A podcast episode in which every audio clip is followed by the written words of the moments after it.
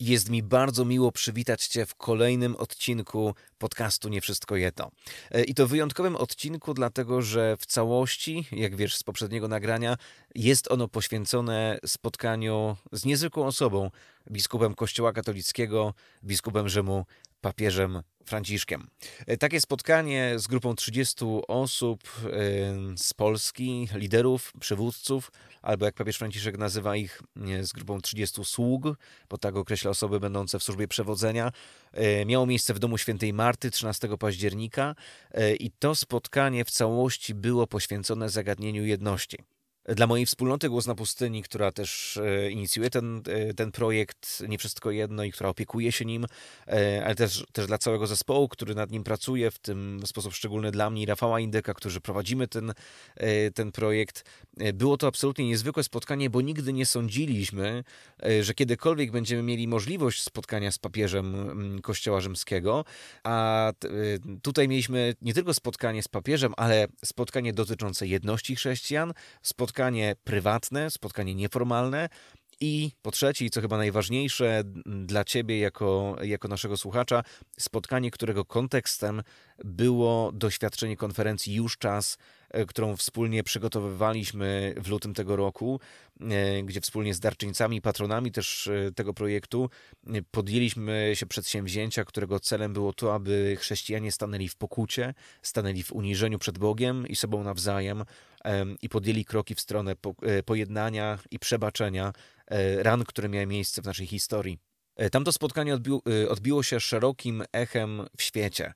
E, dotarło do wielu różnych zakątków naszego globu, ponieważ i z Kanady, i ze Stanów, i z Brazylii, i z Hiszpanii, i z Włoch, i z Wielkiej Brytanii, i ze Szkocji, i z Niemiec, z wielu różnych miejsc usłyszałem wiele ciepłych słów na temat tego wydarzenia E, od osób, które o nim usłyszały w czasie późniejszym. Jedną z osób, która brała udział w tym spotkaniu był ksiądz Juanus Magomez, który w tamtym czasie był odpowiedzialny za sekcję Zachodu Papieskiej Rady do spraw popierania jedności chrześcijan e, i jego doświadczenie tego spotkania też było bardzo ważne, e, dlatego że podjął ten temat nie tylko z całą papieską radą, ale też przekazał informacje biskupowi Rzymu, papieżowi Franciszkowi, E, który był wyraźnie poruszony tym doświadczeniem i zdecydował się na to, aby z uwagi na tamten czas przyjąć grupę 30 Polaków e, na prywatnym spotkaniu, po to, aby rozmawiać na temat jedności chrześcijan. Z pewnością wiele rzeczy mogłeś już usłyszeć na temat tego spotkania i zobaczyć w relacjach, w mediach społecznościowych. Dlatego będę chciał podczas tego nagrania wskazać na pewne rzeczy, które możliwe, że już usłyszałeś. Niemniej zasadniczo będę chciał się skupić na rzeczach, których prawdopodobnie w mediach nie znajdziesz. E, będę chciał pokazać Ci kontekst tego spotkania nieco szerszy, pewne rzeczy, które dzieją się w koło, e, ale jednocześnie dotknąć tematów albo rozwinąć te tematy, które zostały poruszone na tym spotkaniu, a które na mnie zrobiły bardzo duże wrażenie. E, I w końcu będę chciał też powiedzieć o tym, jak sądzę, co to spotkanie dla nas oznacza, co to spotkanie nam pokazuje, o czym nam mówi. Dlatego serdecznie zapraszam Cię do kolejnego odcinka. Witam Cię w podcaście poświęconym jedności i charyzmatycznej odnowie Kościoła.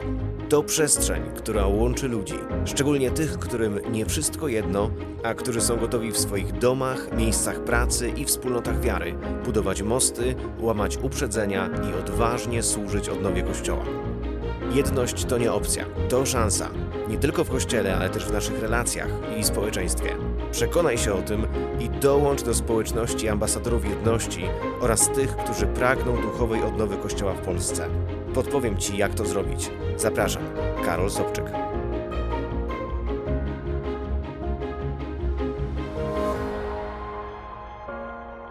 Zacznę od tego, że grupa liderów, pastorów, przywódców, grupa sług przyleciała do Rzymu już dzień wcześniej. 12 października. Dlaczego? Dlatego, aby wspólnie pobyć ze sobą razem, aby wspólnie rozmawiać, aby wspólnie spacerować, zwiedzać Rzym, e, wspólnie zjeść kolację, która tam miała miejsce. E, bo jak wiesz, chrześcijaństwo i dzieło jedności dzieje się w drodze. Nie dzieje się przez wspólne intencjonalne rozmowy. Oczywiście one też są częścią tego procesu, ale zasadniczo zdecydowana większość tych, e, tych elementów, które służą naszej jedności, dzieje się w prostych, zwyczajnych relacjach. Spotkanie e, z papieżem Franciszkiem w kontekście jedności chrześcijan e, stanowi nie lada wezwanie. Dlatego, e, że jeśli spojrzymy wstecz, to właśnie osoba papieża stanowiła też jeden z takich zasadniczych wyzwań, trudności i też problemów związanych z naszym podziałem. A to oznacza, że potrzeba takie spotkanie naprawdę dobrze przygotować i obawiam się niestety, że nie zostało ono tak dobrze przygotowane, to jest moja prywatna opinia, jak można byłoby je zrobić. Niemniej później w relacjach, w mediach, co pewnie też miałeś okazję zobaczyć, y, starałem się też zaznaczyć y, ten element taki podstawowy, kluczowy, że jedności nie budujemy wokół osoby papieża, nie budujemy wokół biskupa Rzymu, jedność budujemy wokół Jezusa Chrystusa. I w tym też kluczu spotkaliśmy się w Rzymie. Przybyliśmy pod plac Świętego Piotra, przeszliśmy wpierw przez e, sprawdzanie naszych e, toreb, e, torebek, laptopów i tak dalej. Przeszliśmy przez taką, e, przez taki, taki mały check-in, e, a później weszliśmy do domu Świętej Marty, gdzie pracuje wielu ludzi. Tam zostaliśmy zaproszeni na taką dużą stołówkę, bardzo elegancką, gdzie każdego dnia jedzą tutaj pracownicy tamtego miejsca, ale też regularnie właśnie jest z nimi papież Franciszek. Dowiedzieliśmy się, że będziemy jedli te same rzeczy, które, e, które on je tego dnia i po zjedzeniu obiadu udaliśmy się do auli. W tej auli było przygotowanych 30 krzeseł, z których to, co było zdumiewające, każde było identyczne. To znaczy, mm, papież nie przyjął nas jak e, jakiś król, jakiś władca, przepraszam za wyrażenie, e, ale przyjął nas po prostu jak brat. Przyjął nas jak jeden z wielu. E, I to było rzeczywiście ujmujące. Czekaliśmy na niego, aż wejdzie do środka, aż wejdzie do tej auli. Już pierwszy moment spotkania z papieżem był bardzo zdumiewający ponieważ wszedł do środka e, z ewidentnym bólem, bólem kolana, który doskwiera już od długiego czasu. Jak e, pewnie wiesz, jakiś czas jeździł na wózku inwalidzkim, e, teraz podpierał się trójnogiem, żeby móc się przemieszczać, a mimo tego bólu podszedł do każdej z 30 zgromadzonych osób, aby podać jej rękę, aby spojrzeć jej głęboko w oczy, i to, to przywitanie nie było takie kurtuazyjne, ono było ewidentnie takim spotkaniem, e, które miało za zadanie spojrzeć sobie właśnie głęboko w oczy i spotkać się serce w serce. Później, e, kiedy papież usiadł, rozpoczął się czas wprowadzenia, e, które robił przyjaciel papieża, zielonoświątkowy pastor Giovanni Tretino, który był jednym z mówców lutowej konferencji. To dzięki niemu to spotkanie mogło być możliwe. On je mm, przygotował, on je prowadził. Y, on je też, y, też inicjował, y, wysyłając do papieża SMS-a z pytaniem o możliwość spotkania Polaków właśnie z, właśnie z biskupem Rzymu. I kiedy siedzieliśmy tam i słuchaliśmy tego wprowadzenia, Giovanni powiedział o tym, jakie rzeczy wydarzyły się w lutym, jaka była atmosfera, jaki był przebieg tamtego spotkania. Powiedział o prawie 600 osobach, które zgromadziły się e, w tamtym czasie e, w Zatoce Sportu Politechniki Łódzkiej e, i kiedy powiedział o tym, że właśnie była liczna grupa pastorów ewangelikalnych i, i katolickich przywódców, katolickich liderów, papież przerwał i powiedział, i co, nie spaliliście się na stosie jak kiedyś? E, I to było ewidentnie takie bardzo, e, bardzo żartobliwe i wszyscy zaczęliśmy się śmiać. I więc atmosfera na tym spotkaniu była naprawdę luźna, naprawdę taka, taka rodzinna, taka przyjacielska. Papież kilkukrotnie miał takie sytuacje, w których nieco przerwał to spotkanie w taki zabawny sposób. W pewnym momencie poprosił o wodę i kiedy ktoś przyniósł, przyniósł mu szklankę wody na tacy, on powiedział, nie, nie, ale to nie dla mnie, to dla tłumacza, bo on potrzebuje. To były takie rzeczy, które wprowadzały taką, e, taką atmosferę rodzinną i bardzo e, pozbawioną dystansu. Papież otrzymał od nas w sumie 15 pytań. Pierwsze pytanie, na które odpowiadał, to było pytanie o jego największe radości w prowadzeniu kościoła i o największe trudności. I tutaj e, biskup Rzymu powiedział, że to, co niepokoi go najbardziej, to światowość w katolickiej wspólnocie. Mówił o swoim kościele. Mówił o tym, że e, to jest dla niego trudne, kiedy z poziomu pięknej wiary zjeżdża się w światowość, I mówił o tym, że ta grupa taka światowa, ona chodzi do kościoła z przyzwyczajenia, ale w głębi nie wie, w co wierzy. I powiedział w ten sposób, że trzeba o tym powiedzieć z, oczywiście z respektem, z szacunkiem, ale trzeba powiedzieć wprost, że to są ludzie, którzy nie mają wiary. E, I zaznaczył, że to, co jeszcze bardziej go niepokoi, to jest e, światowość wśród duchowieństwa, kiedy kapłani zapomnieli, że są pasterzami ludzi, a stali się funkcjonariuszami państwa. Powiedział, że to jest znak pewnej dekadencji w kościele. Natomiast mówiąc o największych radościach, powiedział, że to, co jest dla niego największą radością i spełnieniem, to jest święty lud, który jest wierny Bogu, który jest prosty, który jest grzeszny jak my wszyscy, ale który żyje wiarą z pragnienia. E, I powiedział, że to jest coś, co go najbardziej e, pociesza, i potem znowu, bo ciekawe, wrócił do trudności, znowu powiedział o tym zjeżdżaniu w, w światowość, powiedział o zeświadczeniu mm, i powiedział, że Sobor Watykański II, który miał miejsce 60 lat temu, zaczął powoli podnosić Kościół e, z tego zeświadczenia, ale powiedział, jest jeszcze długa droga do pokonania. To było na mnie dotykające, że papież ma bardzo taką jasną, ostrą świadomość tego problemu, jaki ma obecnie Kościół katolicki. Powiedział też, że nie chciałby tutaj robić jakiejś krytyki Watykanu. Powiedział, bo oczywiście można by i zaczął się śmiać, ale powiedział, że lepiej to zostawić, ponieważ są tutaj grzesznicy w środku, a że on tym grzesznikiem jest tutaj pierwszym. I to mnie bardzo tak dotknęło, kiedy relacjonował i mówił o swojej relacji z Duchem Świętym. To było drugie pytanie, które zostało mu zadane. Powiedział wpierw na pytanie, kim jest dla niego Duch Święty, powiedział, że dla niego Duch Święty jest, jest, to tak miał chwilę takiej ciszy, uśmiechu i powiedział, jest przyjacielem. Powiedział, że czuje go bardzo blisko. Powiedział, że grupa przyjaciół posłużyła mu właśnie na rzecz chrztu w Duchu Świętym, i śmiał się mówiąc, że wtedy nie poczuł nic. Ale powiedział, że bardzo często czuje poruszenia Ducha Świętego, kiedy Duch Święty dotyka jego serca, jego umysłu. I powiedział coś takiego, co, co mnie bardzo wzruszyło, dotknęło. Powiedział, że czuje smutek Ducha Świętego, kiedy podejmie nie najlepszą decyzję. To jest niezwykłe, kiedy papież Kościoła Rzymskiego mówi takie słowa. Opowiedział taką historię dotyczącą właśnie swojej relacji z Duchem Świętym, y, że kiedyś y, przyszedł jakiś list od pewnej instytucji do, właśnie do Watykanu, która poprosiła go o napisanie paru zdań i powiedział, to była normalna rzecz, y, ale czułem gdzieś w środku, że coś śmierdzi. I pomyślał, że zostawi to na razie z boku i że potem do tego wróci, a potem dowiedział się, że za tym stała jakaś grupa ludzi, która robiła brudne interesy. I powiedział, to Duch Święty zadziałał. On nas zawsze prowadzi, on nas zawsze inspiruje e, i to przychodzi do nas właśnie przez, przez relacje z Nim. E, więc to jest, to jest niezwykłe tego typu słowa słyszeć. Kiedy trzecie pytanie zadał jeden z e, pastorów zielonoświątkowych i pytał o możliwość współpracy między katolikami a, a protestantami, papież powiedział coś takiego: braterstwo jest rodzajem sakramentu. Braterstwo jest jak sakrament. E, to słowo sakrament, e, ono w środowiskach ewangelikalnych, protestanckich e, funkcjonuje już rzadko, w tych historycznych kościołach protestanckich często, natomiast w tych, tych nowych kościołach ono się już właściwie nie pojawia i często jest źle rozumiane przez to, że katolicy nieraz źle ten sakrament rozumieją.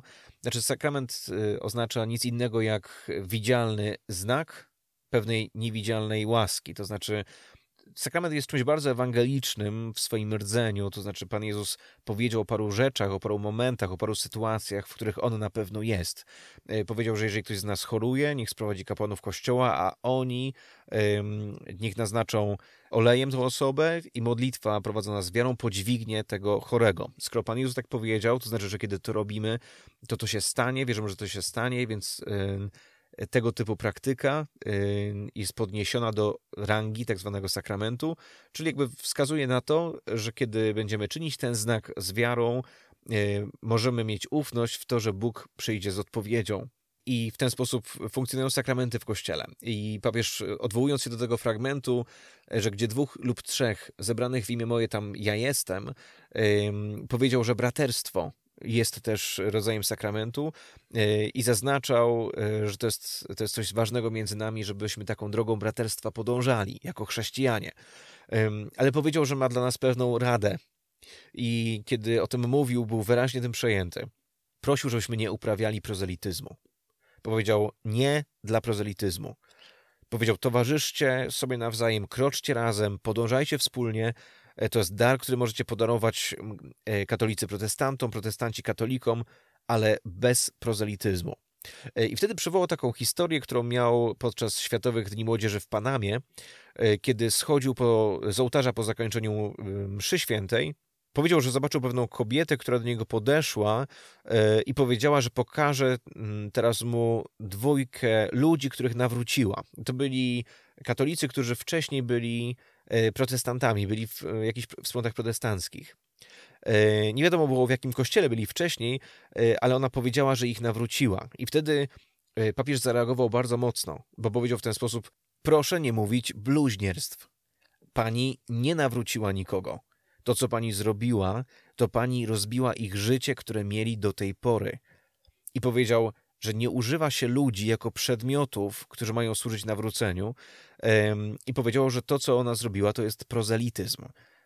Ponieważ nawrócenie jest tylko do Chrystusa, a nie z kościoła do kościoła. Powiedział, że jeżeli e, że czymś innym jest, kiedy ludzie widzą nasze życie, kiedy widzą nasze świadectwo, i pod wpływem tego naszego życia podejmują drogę nawrócenia, e, skłaniają się do Chrystusa. Ale powiedział, że my nie jesteśmy klubem sportowym, który szuka nowych członków e, i który wpisuje ich na swoją listę. I wtedy nazwał prozelityzm największą trucizną ewangelizacji. I powiedział, że coś innego to jest duch ewangelizacji, który dla katolików i dla protestantów oznacza to samo. A czymś innym jest bycie prozelitami, czyli przeciąganiem kogoś na siłę do siebie. I powiedział, że to właśnie Pan Jezus zarzucał faryzeuszom, że robią z ludzi prozelitów, których potem wysyłają do piekła. I powiedział, braterstwo tak, prozelityzm nie. I był taki fajny moment, E, bo papież powiedział, że się denerwuje, kiedy, kiedy dotyka tego tematu i na to tłumacz e, przetłumaczył, przetłumaczył to w ten sposób. Papież teraz się denerwuje, e, kiedy dotyka tego tematu. Taki, taka fajna, fajna sytuacja. Potem było pytanie o wspólną komunię, które zadał jeden z pastorów. Nie wiem, czy zwróciłeś uwagę, ale celowo nie dotykam nazwisk, celowo nie, mu, nie wymieniam nazwisk osób, które uczestniczyły w tym spotkaniu ze strony ewangelikalnej. Dlaczego? Dlatego, że uważam, że powinniśmy jako chrześcijanie e, bardzo dbać e, o ten aspekt wrażliwości, ponieważ nie wiesz, czy dany pastor, czy dany, e, dany lider społeczności ewangelikalnej chce, aby o tym spotkaniu była mowa w kontekście spotkania z papieżem. Sądzę, że w zdecydowanej większości tak. Niemniej chcę Ciebie uwrażliwić, dlatego że ten projekt jest poświęcony budowaniu jedności, aby mieć tutaj dużą wrażliwość na ten aspekt, na ten temat. Więc papież mówił o, Eucharystii, mówił o wspólnej komunii, mówił, że to jest cel, do którego zmierzamy, ale dopóki to nie nastąpi, potrzebujemy robić małe gesty, E, małe kroki, które na rzecz tej e, wspólnej mm, wieczerzy e, mogą być podejmowane. Powiedział o tym, że potrzebujemy relacji, potrzebujemy dialogu, potrzebujemy spotkań. Powiedział w ten sposób, że niektórzy mówią, że będziemy zjednoczeni wtedy, kiedy teologowie dojdą do porozumienia. I powiedział, to jest piękne, jak teologowie studiują, jak tym się zajmują, ale nie czekamy na ten czas, kiedy to nastąpi.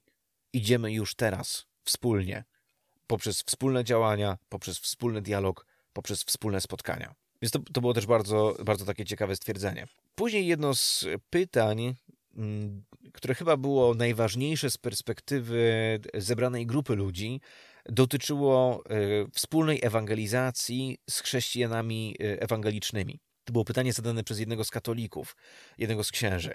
Powiedział, że wciąż słyszy zarzut, że nie powinniśmy tego robić, ponieważ zewangelizowani katolicy przejdą do innych wspólnot. Zadał takie pytanie, właśnie jaką radę może dać yy, biskup Rzymu dla tej sytuacji. I to było ciekawe, bo pierwsze co powiedział papież, to powiedział: Moja rada pozostawić dzieło Duchowi Świętemu.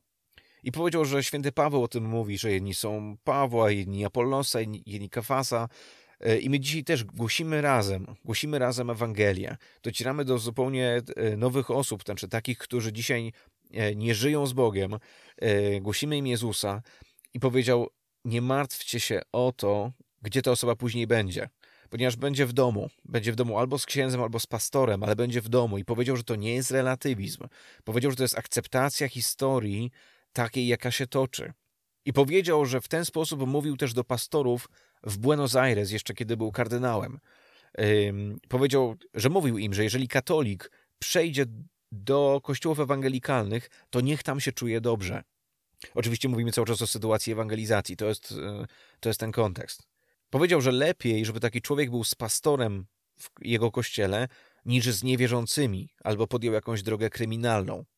Powiedział, że w przeciwnym wypadku będziemy postępować jak małżeństwa, które się rozwodzą i które idą do sądu i tam walczą o swoje dzieci i je rozrywają. I tym samym zadają im wielkie krzywdy. I powiedział, że jeżeli Duch Święty przyprowadza kogoś do jakiegoś miejsca, do jakiegoś kościoła podczas ewangelizacji, Paweł powiedział, zostaw go tam. To naprawdę jest bardzo odważna wypowiedź. Oczywiście ona, kiedy została opublikowana później przez katolickie media, została bardzo wykrzywiona i bardzo dużo środowisk takich tradycjonalistycznych e, zaczęło ją krytykować.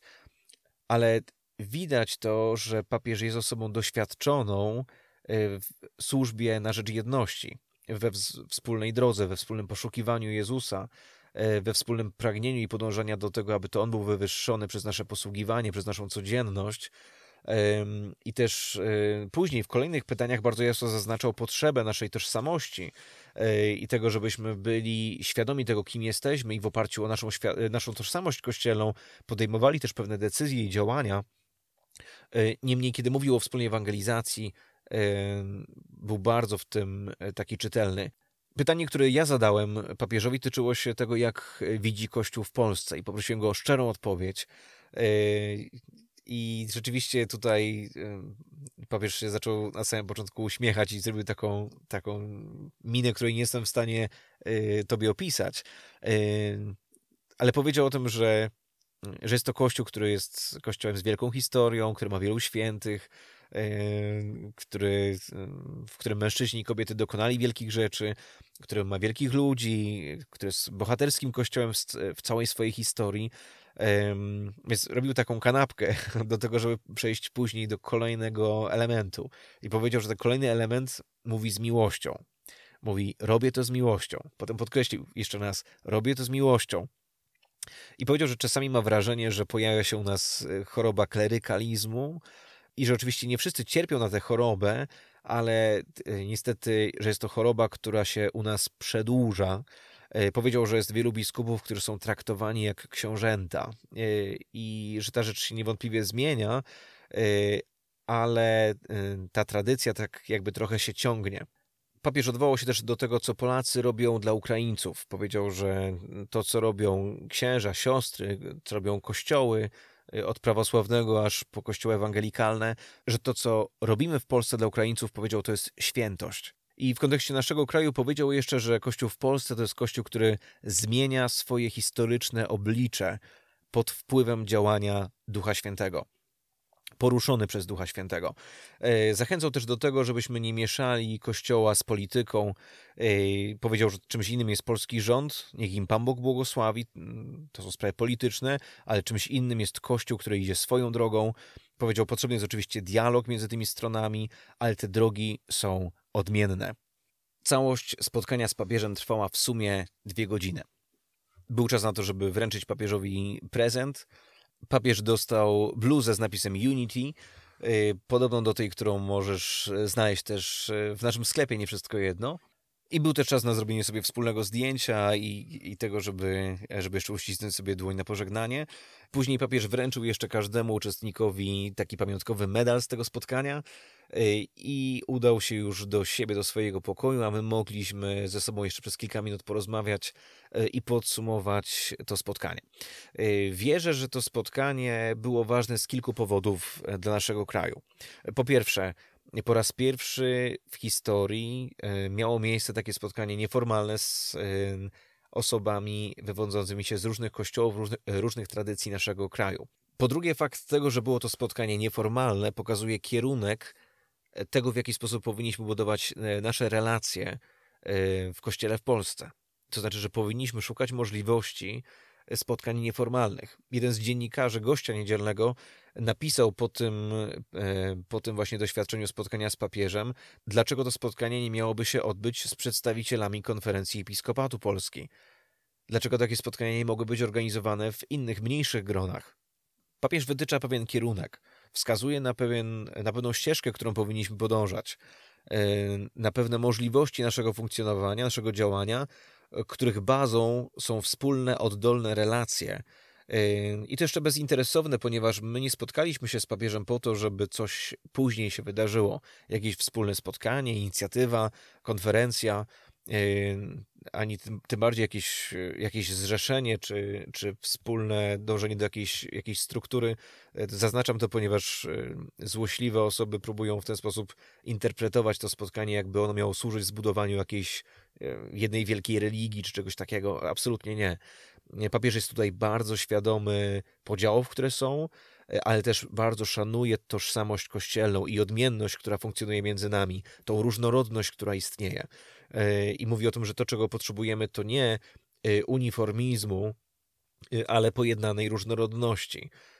To znaczy takiej różnorodności, która zachowuje swoją tożsamość, która zachowuje swoje przekonania, ale stara się odzyskać utracone relacje, które straciliśmy w wyniku podziałów.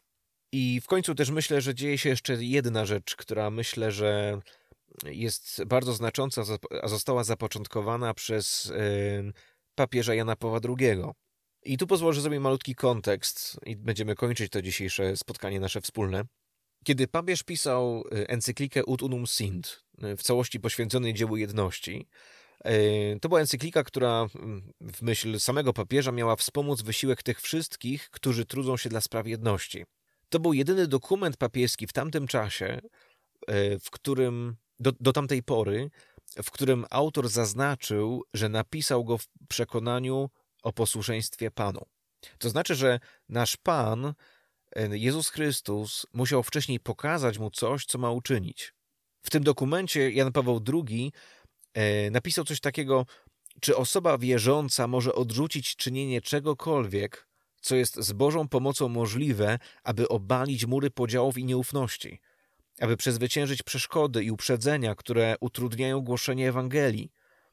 To jest zawsze pytanie, które kojarzy mi się z tą encykliką.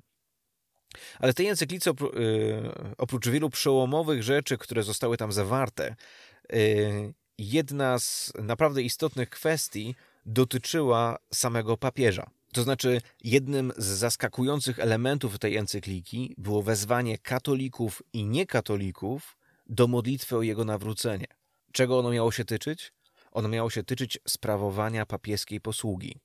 Jan Paweł II zwrócił się z prośbą o modlitwę do chrześcijan z wszystkich kościołów, aby pełniąc posługę biskupa Rzymu, mógł wejść w służbę, która została mu zlecona przez Jezusa, której celem będzie komunia wszystkich braci.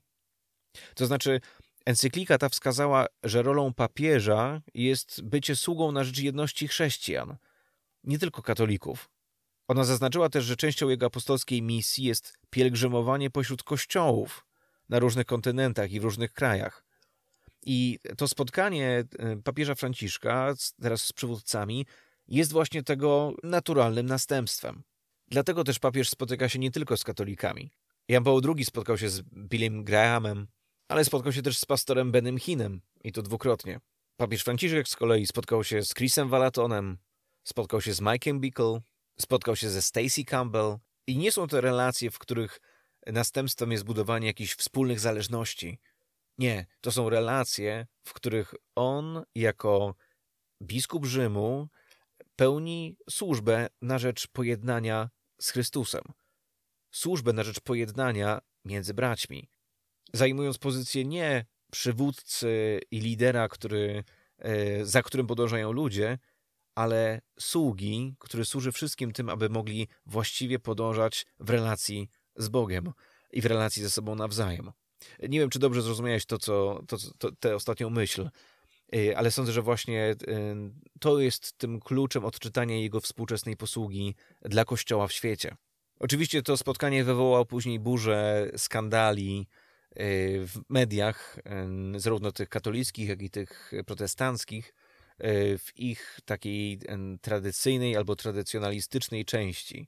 E, to znaczy mm, kilku pastorów i kilku e, i kilka mediów e, takich tradycjonalistycznych, tradycyjnych bardzo ostro, w ostrych słowach skrytykowali wypowiedzi dotyczące, które pojawiały się podczas tego spotkania.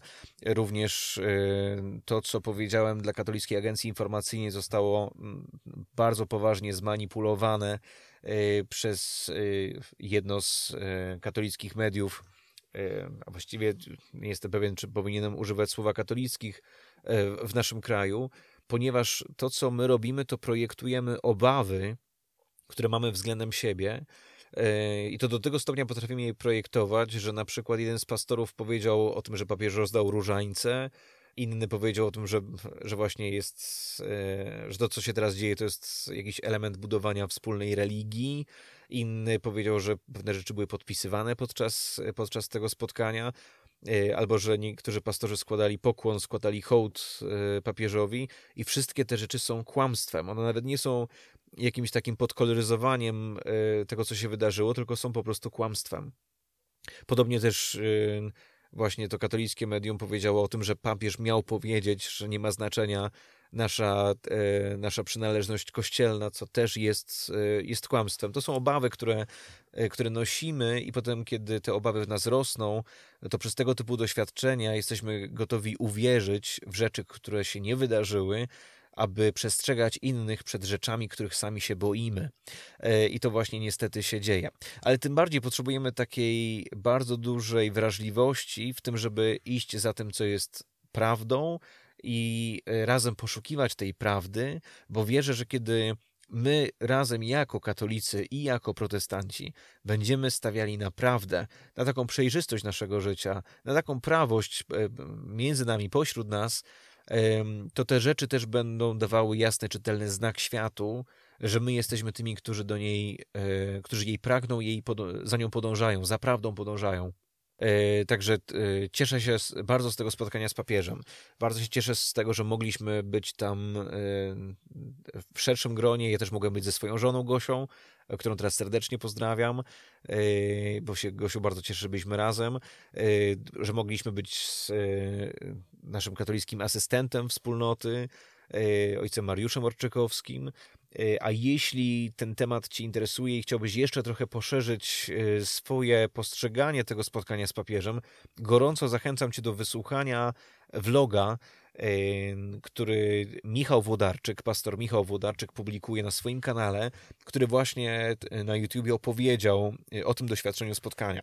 Ta rozmowa jest niezwykle ciekawa, ale też niezwykle ważna, ponieważ wielu ludzi i środowisk ewangelikalnych, i środowisk katolickich powołuje się na tę rozmowę, aby ukazywać właśnie absurdy związane z tym, w jaki sposób e, jedno spotkanie, bardzo Boże spotkanie, bardzo rodzinne, Y, które też było zupełnie niezobowiązujące i prywatne, potrafi zostać mm, wykręcone dla prywatnych celów, czy to pastorów, czy to, y, czy to liderów, a też przyznam, że niestety również i katolickich księży, bo takie sytuacje też miały miejsce.